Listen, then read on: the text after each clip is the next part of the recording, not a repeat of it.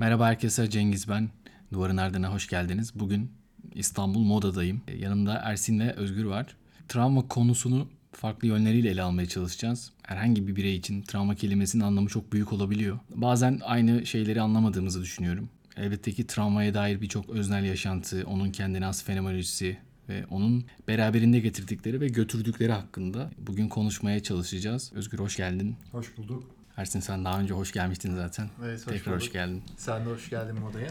Özgür sana sorayım ilk. Yani sen travma kelimesini duyduğun zaman ya da bir danışanın travma ile ilgili bir şey anlatmaya çalıştığı zaman, anlattığı zaman senin için ne ifade ediyor travma? Öncelikle ani ve büyük bir yaşamsal değişiklik Ee, ve yaşamı öncesi ve sonrası diye ikiye bölen bir değişiklik anlıyorum ben burada. Ve bu değişiklik sırasında kişinin fazlasıyla korku ve dehşet duygusu yaşamasını anlıyorum. Bu e, korku ve dehşet duygusu çaresizlik yaratıyorsa özellikle çok daha büyüyor.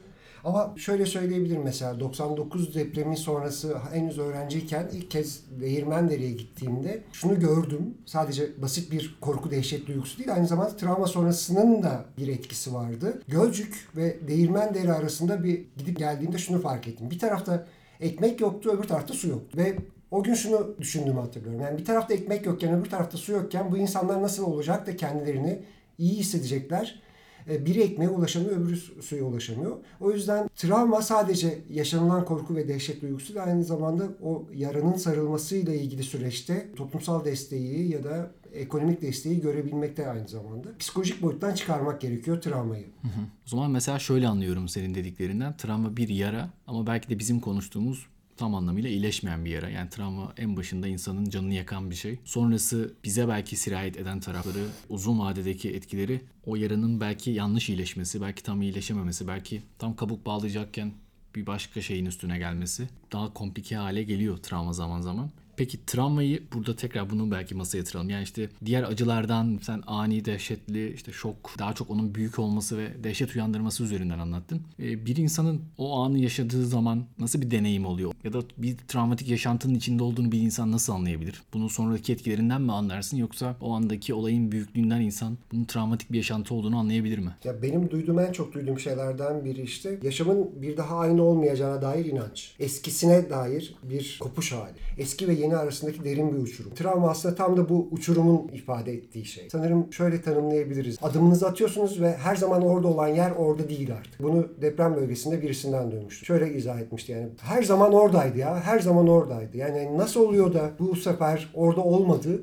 Bu benim için korkunç bir şeydi. Ayağımı attığım yerde artık yer yoktu. Hiç düşünmemiştim orada olmayabileceğini e, diyerek tanımlamıştı. Sen bunu deyince aklıma şey geldi. Disosyatif kuramlar. İnsanın çevresine yabancılaşması, eskisi gibi hissetmeme hali, kendine belki yabancılaşması. Sen ne diyorsun Ersin? O insanın o yabancılık hissinin, bir şeylerin artık eskisi gibi olmaması ve daha da kötüsü hiçbir zaman eskisi gibi olmayacağına dair bir korku. Yani travmatik an belki evet an olmanın ötesinde bir süreç de bizim açımızdan ve dizgelerimizi bozan bir süreç. Yani benim hayata karşı bir dizgem var. Ne yaparsam neyle karşılaşacağıma dair bir ezberim var. Onun için biraz ezberleri bozan bir yanı var. Güvendiğim bir şey artık yok. Bir kişi yok. Güvendiğim evim artık yok. Güvendiğim bedenim ya da o bedenimin ilişki kurduğu şeyler yok. Onun için dizgeleri bozan bir yanı onu belki bir yeni bir başlangıç yapıyor ve geçmiş olan bağlantıyı da koparan bir hale sokuyor. Onun için belki geçmişle geleceğin kopuşu da o boşluğa, o bütünleşememeye neden oluyor. Bazen bellekte de bütünleşememeye neden oluyor. Bu şunun gibi bir şey. Belleğin şöyle bir şeyi vardır. Bir şey yapıyorsun ve sonrasında sen o sonuçta, o neden sonuç ilişkisinde bir şeyin olacağını bekliyorsun. Ama travmatik an öyle bir şeydir ki bizim ezberimizi bozar. O neden sonuç ilişkisinde evet artık hiçbir şey eskisi gibi değildir. Bambaşka bir dizge vardır ve bu tabii ne kadar derinden hayata dair anlamlarımızı sarsarsa, kurduğumuz bütünlükleri sarsarsa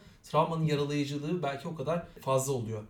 Onun için e, özellikle işte travmayı insan eliyle olan travmalar ve doğayla ilişkili travmalar olarak ikiye ayırmak belki de bununla alakalı bir şey. İnsan eliyle olan travmaların bu dizgeyi bozucu hali çok daha fazla. Onun için yaralayıcı şeyi çok daha derin boyutta oluyor.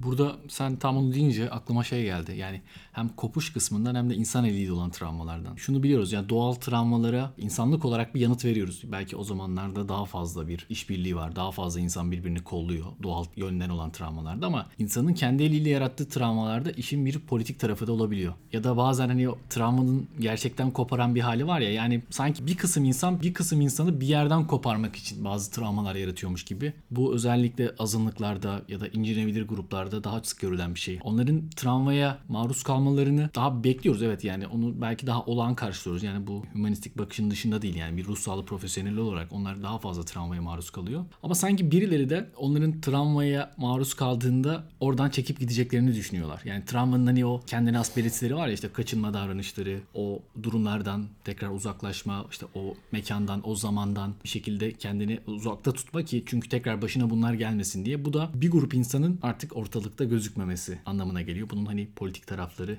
olduğunu düşünüyorum. Burada mesela Özgür sen ne diyebilirsin? Yani travmanın bu insan eliyle olan belki de işte politik yönüyle ilgili. Şöyle bir şey yani hani ayrıştırıcı ve konsolide edici tarafı var travma. Yani hani ötekiyle uzaklaşacaksınız ve bir araya gelip insan eliyle oluşan travmalarda özellikle bir araya gelip bütünleşeceksiniz. Konsolide olacaksınız ve beraber aynı şeyi düşüneceksiniz. Aynı şeyi arzulayacaksınız. O yüzden iktidarlar tarih boyunca aslında düşmanı göstererek kendi iç gruplarını güçlendirirler. Ötekini göstererek neyin yıkılması gerektiği gerektiğini hatta onların yıkıcı olduğunu söylerler ve düzeni bozana dair bir işaret ederler. Düzeni bunlar bozuyor diye. Sanırım burada işte o işlev e, tam da senin söylediğin şeye denk düşüyor. Yani, yani politik kısma denk düşüyor. Her zaman birilerinin öteki olması bir arada olmak için gerekli. İnsanlık tarihinde sanırım şöyle bir evrimsel bakış açısıyla da düşünmek gerekiyor. Aslında büyük grupların, toplumların canlısı değil insanlar. Bir klan bireyi. Henüz yani 21. yüzyıla kadar halen basit bir şekilde bir klanın içerisinde yaşıyormuşuz gibi duygulanıyoruz. Kimse bize şunu aslında tehdit olarak sunmuyor. Yani doların yüksekliği ya da azlığı bizim için çok önemli değil. Çünkü dolar kazanabilecek durumda değiliz. Dolarla satın alınabilecek bir şeyde de değiliz. Örneğin mesela böyle bir insanız. Ama buna rağmen doların yükselişi ya da azalışı bizim için bir tehdit. Çünkü ekonominin kötü olabileceğini düşünüyoruz ve ekonominin kötü olursa bu sefer eve götüreceğimiz patatesin fiyatının artacağına dair bir bilgimiz var. Şimdi bu tip büyük bir dolar dünya evren yani küresel boyutta bir dolar e, fiyatının değişmesinin bizim ekmeğimizi belirliyor olması aslında bizim derdimizin aslında sadece ekmeğimiz olması bir şeyi değiştirmiyor.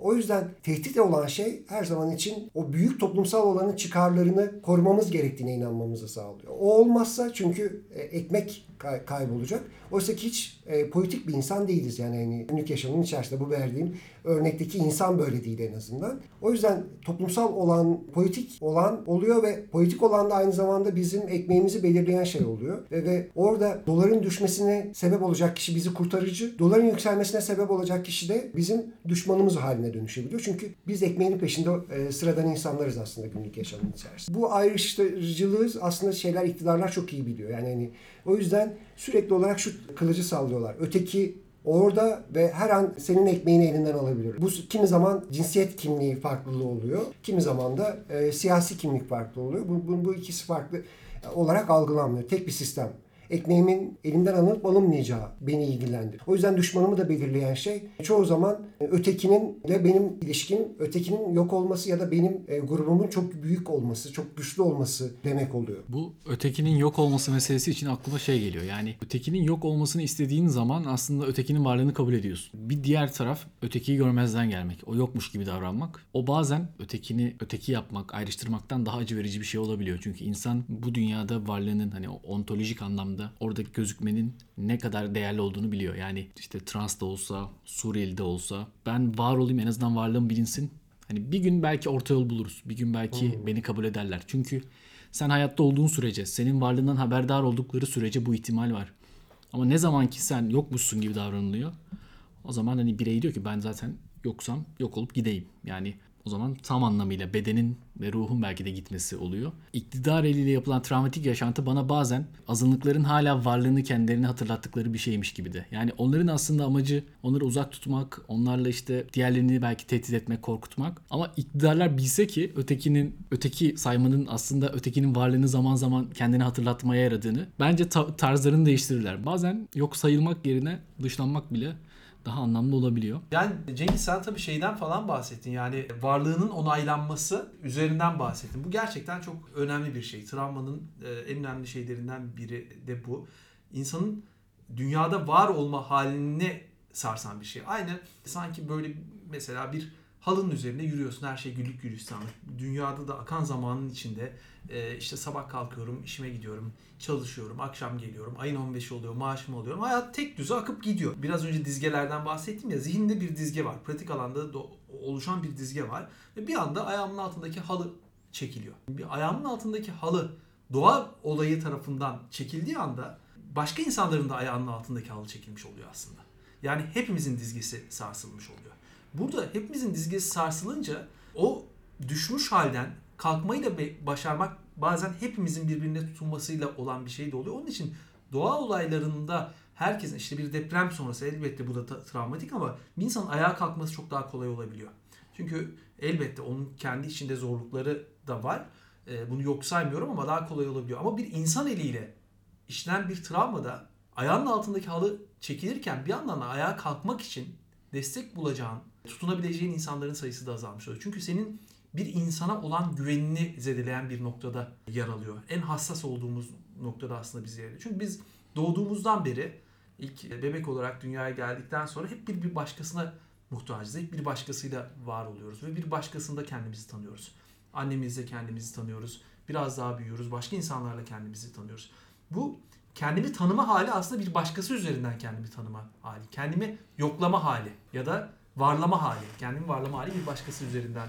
Onun için insan eliyle olan travmaların daha yıkıcı olmasının nedeni, belki en sarsıcı olmasının nedeni de tam olarak bu. Benim bir başkasına olan ve bir başkası üzerinden kendimi varlama haline bir darbe burası. Onun için belki yıkıcılığı çok daha fazla. Ve eğer tabii bir kişide geçmişte daha çocukluk yaşantısında bir travmatik olay varsa, o dizgelerin tam oluşmadığı, bir başkasına ait zihinsel sistemlerin tam kurulmadığı bir yerde böyle bir travmatik olay yaşadığında o dizge baştan aslında e, hasarlanmış oluyor. Ve sonrasında yetişkin çağında yaşanan bir travma daha yaralayıcı olabiliyor. Çünkü o geçmişteki varlığı onaylama halinin, varlığı onaylamama haline tam da denk gelen bir yere geldiği için daha fazla yaralayıcı olabiliyor. Tabii doğa olaylarında da biraz önce söylemiştim travma anlık bir olay değil. Yani bir darbe değil sadece bir aslında süreç. Yara çok güzel bir kelime. Çünkü elimiz yaralandığında evet bir darbe gerçekleşmiştir ama önemli olan sonrasında yaranın bakımı. Oraya yarayı nasıl saracaksın? Çok kolay da iyileşebilir bir yara. Yara komplike olursa, mikroplaşırsa, bakımı iyi yapılmazsa, yara komplike olursa izi de kalır. Travma da böyle bir şey gerçekten. Doğa eliyle de olsa bir travma, mesela deprem sonrası, diğer insanların yardımımıza koşması, diğer insanlarla dayanışmak, diğer insanların bizim yaralarımızın farkında olması çok iyileştirici bir şey. Bütün bu süreçler ger- gerçekleşmediği anda yani gelen ekmek sadece ekmek değil orada. Gelen su sadece susuzluğumuzu giderecek bir su değil aslında. Ya da birilerinin işte devlet aygıtından birilerinin gelip orada yardımımıza gelmesi ya da başka ülkelerden insanların gelmesi sadece orada yarayı kapatacak bir şey değil. Sadece ruhsal yaraları da onarıcı bir şey var. Çünkü şunu hissediyoruz. Diyoruz ki yalnız değilim. Birileri var birileriyle beraberim, dayanışma halindeyim. E, o nedenle onun ile, ruhsal iyileştirici boyutu çok daha fazla. Belki burada şimdi travmatik bir zamanda da yaşıyor. Koronavirüs salgını bizim açımızdan çok bambaşka bir travma. Bir yanıyla doğal bir olay ama bir yanıyla da insanı sosyal olarak izole eden de bir olay. Belki buralara da e, Ona, değinebiliriz. Senin dediklerinden aklıma birkaç şey geldi. Çok fazla çağrışım yaptı. Birincisi hani onlar olmadan o, sen olmadan ben dediğimiz şey yani bir öteki üzerinden kendini varlığını tanımlamak hani ayna benlik dediğimiz şey belki de. Yani çocuğun o benliği oluştuğu zamanlarda bir travmaya maruz kalması, erken çocukluk çağı travmalarının biz tekrar tekrar tek onları travmaya maruz bırakma ihtimallerini arttırdığını biliyoruz. Aslında travmanın şöyle bir boyutu var ya da hani acılar için çok klasik söylenen şey işte öldürmeyen her acı güçlendirir. Ama acının geldiği zamana göre. Yani çocukluk çağında bir yaşanan travma, bir acı genellikle sonraki acıların, travmaların habercisi olabiliyor. Çünkü o tam da işte benliğini kurmaya çalışan, diğer insanların iyi olduğunu düşünen, onların varlığının kendisi için olduğunu düşünen bir zamanda onlardan gördüğü bir travma ya da kendi yaşadığı bir travmaya onların merhem olamaması kişinin belki de bütün işte zihnindeki o dünyayı alt üst eden bir şey. O yönüyle bence çocukluk çağı travmalarının çok daha özel bir yeri var. Evet biraz varoluşsal yerlere de temas ediyor bu. Yani senin dünyayı anlamlandırmanı yani örnek veriyorum. Şefkat gösteren biri bana. Şefkat gösteren biri şehvetle yaklaşıyorsa bir kafa karışıklığı, bir anlam dünyasında bir kafa karışıklığı da oluşturmaya başlıyor. İşte çocuk çağı cinsel travmalarında belki de en önemli noktalardan biri bu. Yani şefkatli yaklaşan biri bir şefkat beklediğin bir büyük ya da güçlü birinden şehvetli bir yaklaşım gördüğünde onu bir yere bir yere oturtamıyorsun. Ya da aynı yere oturtuyorsun. Ya da aynı yere oturtuyorsun. İkisi aynı şey oldu. Ve sonra da belki kurduğun ilişkilerde o yarayı onarmaya çalışıyorsun.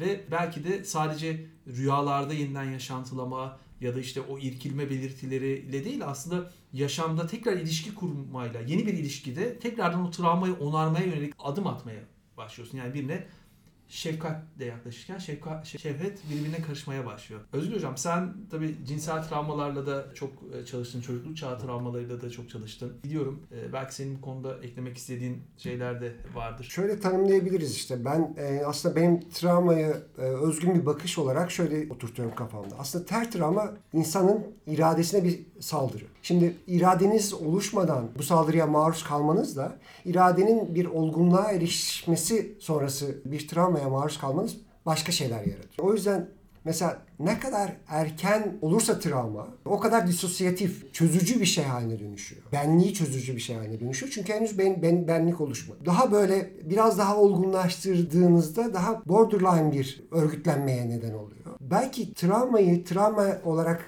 adlandırabileceğimiz şeyler ergenlik sonrası yani geç ergenlik ve sonrası oluşmaya başlıyor. Bunu tam böyle yaş yaş ayırmayacağım ama yani hani aslında PTSD semptomlarını biz direkt olarak çocuklarda PTSD semptomu olarak görmüyoruz. Disosyasyon ya da öfke nöbetleri ya da tam tersine cinselleştirilmiş birer davranışa mesela ergenlikte yani çok fazla rastladığım şeylerden biri cinselleştirilmiş davranışlar. Ne demek cinselleştirilmiş davranışlar? Her an baştan çıkarıcı olmaya çabalamak. Çünkü tam da o şehvetle şefkat aynı yerde birleşince bir ergen tüm benliğini o şefkati almak için o ilgiyi ve varlığını hissedebilmek için şehvetle yapması gerektiğine inanıyor. Ve doğal olarak tüm benliğini sevilesi bir şey olabilmesi için, ben, benliğinin sevilesi bir şey olması için o şehveti elde etmesi gerektiğini düşünüyor ve o şehvet bir şekilde şefkatle ayrışması gerekiyor tedavide de. Bunun iyileştirilmesinin başka bir yol, yolu yok aslında. Şe- şehvet ve şefkati tekrar ayrımlaştırmak.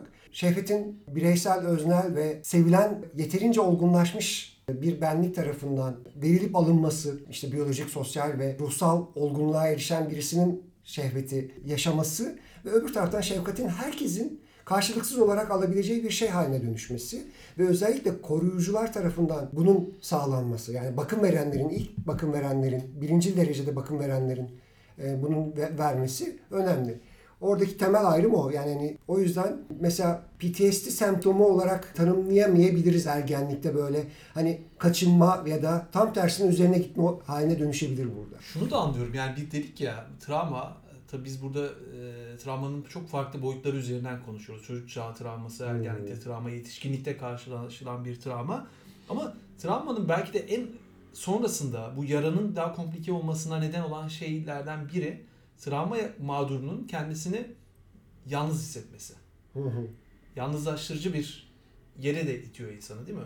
Çok böyle varoluşsal bir yerde yalnız kimseye derdini paylaşamayan. Şimdi, benim, benim orada ilginç bir gözlemim var. Yani yine kendi deneyimlerimden. Şimdi iradeye saldırı dememin sebebi de bu aslında.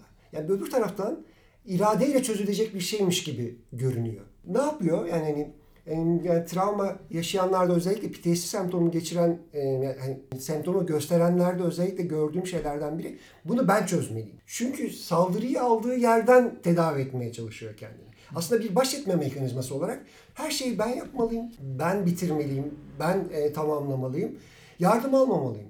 Ama bu mala, şimdi e, maladaptif dediğimiz yani hani uygunsuz bir çözüm bir yerden sonra. Yani o suçlanmanın bir yansıması da olabilir mi? Yani bu benim yüzümden oldu aslında içten içe. Hmm. Yani ben orada olmasaydım işte ona evet demeseydim eve daha Ama erken bu da, Bu daha çok toplumun suçlaması. Çünkü e, şunu biliyoruz ki aslında toplum e, huzur kendi huzurunu yalan bir şekilde de olsa üretebilmek için bunu söylüyor. Bunu içselleştirmek başka bir şeymiş gibi geliyor bana o yüzden de. Yani hani toplumdaki öteki izleyenler, öteki derken de yani bir başka yabancı anlamında değil ama e, travmanın şahitleri şöyle bir şey haline dönüştürüyor bunu. Mağdur boşuna mağdur olmamıştır söylemek zorunda kendine. Çünkü eğer boşuna mağdur olunabiliyorsa, her an herkesin başına bir şey gelebiliyorsa şahit olarak benim de başıma gelebilir. Bir koruma mekanizması. Yani kendini evet. koruyor o zaman o kişi. Onun o saatte orada ne işi vardı? Evet. Niye? Aslında bu kendisine şunu söylemek istiyor burada kişi. Ben o saatte orada sokakta olmadığım sürece benim başıma böyle bir şey gelmez. Ee, o yüzden tek başına olma arzusu bununla besleniyor olabilir. Ama bence kaynağı tamamen tam tersine iradesinin kaybolduğunu hisseden birisinin tam tersine iradesiyle her şeyle baş edebileceğine inanması e, Peki öyle ben başlıyor. şunu e, anlamaya çalışıyorum. Yani işte kitlesel olarak travmaya uğradığı zaman insan travmadan belki bir nebze olsun daha kolay sıyrılıyor. Çünkü diyor ki yani işte benim evim yıkıldı ama onun da yıkıldı. Karşıdakinin de yıkıldı. İşte üst kat komşum da mağdur. Yani insan başına kötü bir şey geldiği zaman diğerlerinin de başına kötü bir şey gelmesiyle nasıl kendini avutabilir ki? Burada en önemli mekanizmalardan birini çözmemiş ol- oluyorsun. Ee, çünkü kişiselleştirme. 10 Ekim sonrası e, benim yaptığım küçük çaplı bir araştırma, terapistler üzerinde yaptığım bir çalışma şunu söylüyor. Yani terapistle 10 Ekim katliam sonrası danışan travmaya maruz kalan kişi benzer dünya görüşlerine sahipse çok daha fazla etkileniyor.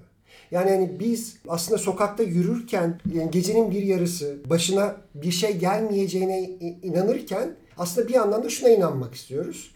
Ee, bizim gibi olmayanların şeyi ama düşünün ki gece işten dönen bir satış temsilcisi bu kişi mağdur olan kişi. Saat 10'da alışveriş merkezi kapandı ve ev- evine dönüyor. Ama ben de alışveriş temsilcisiyim e, başka bir AVM'de.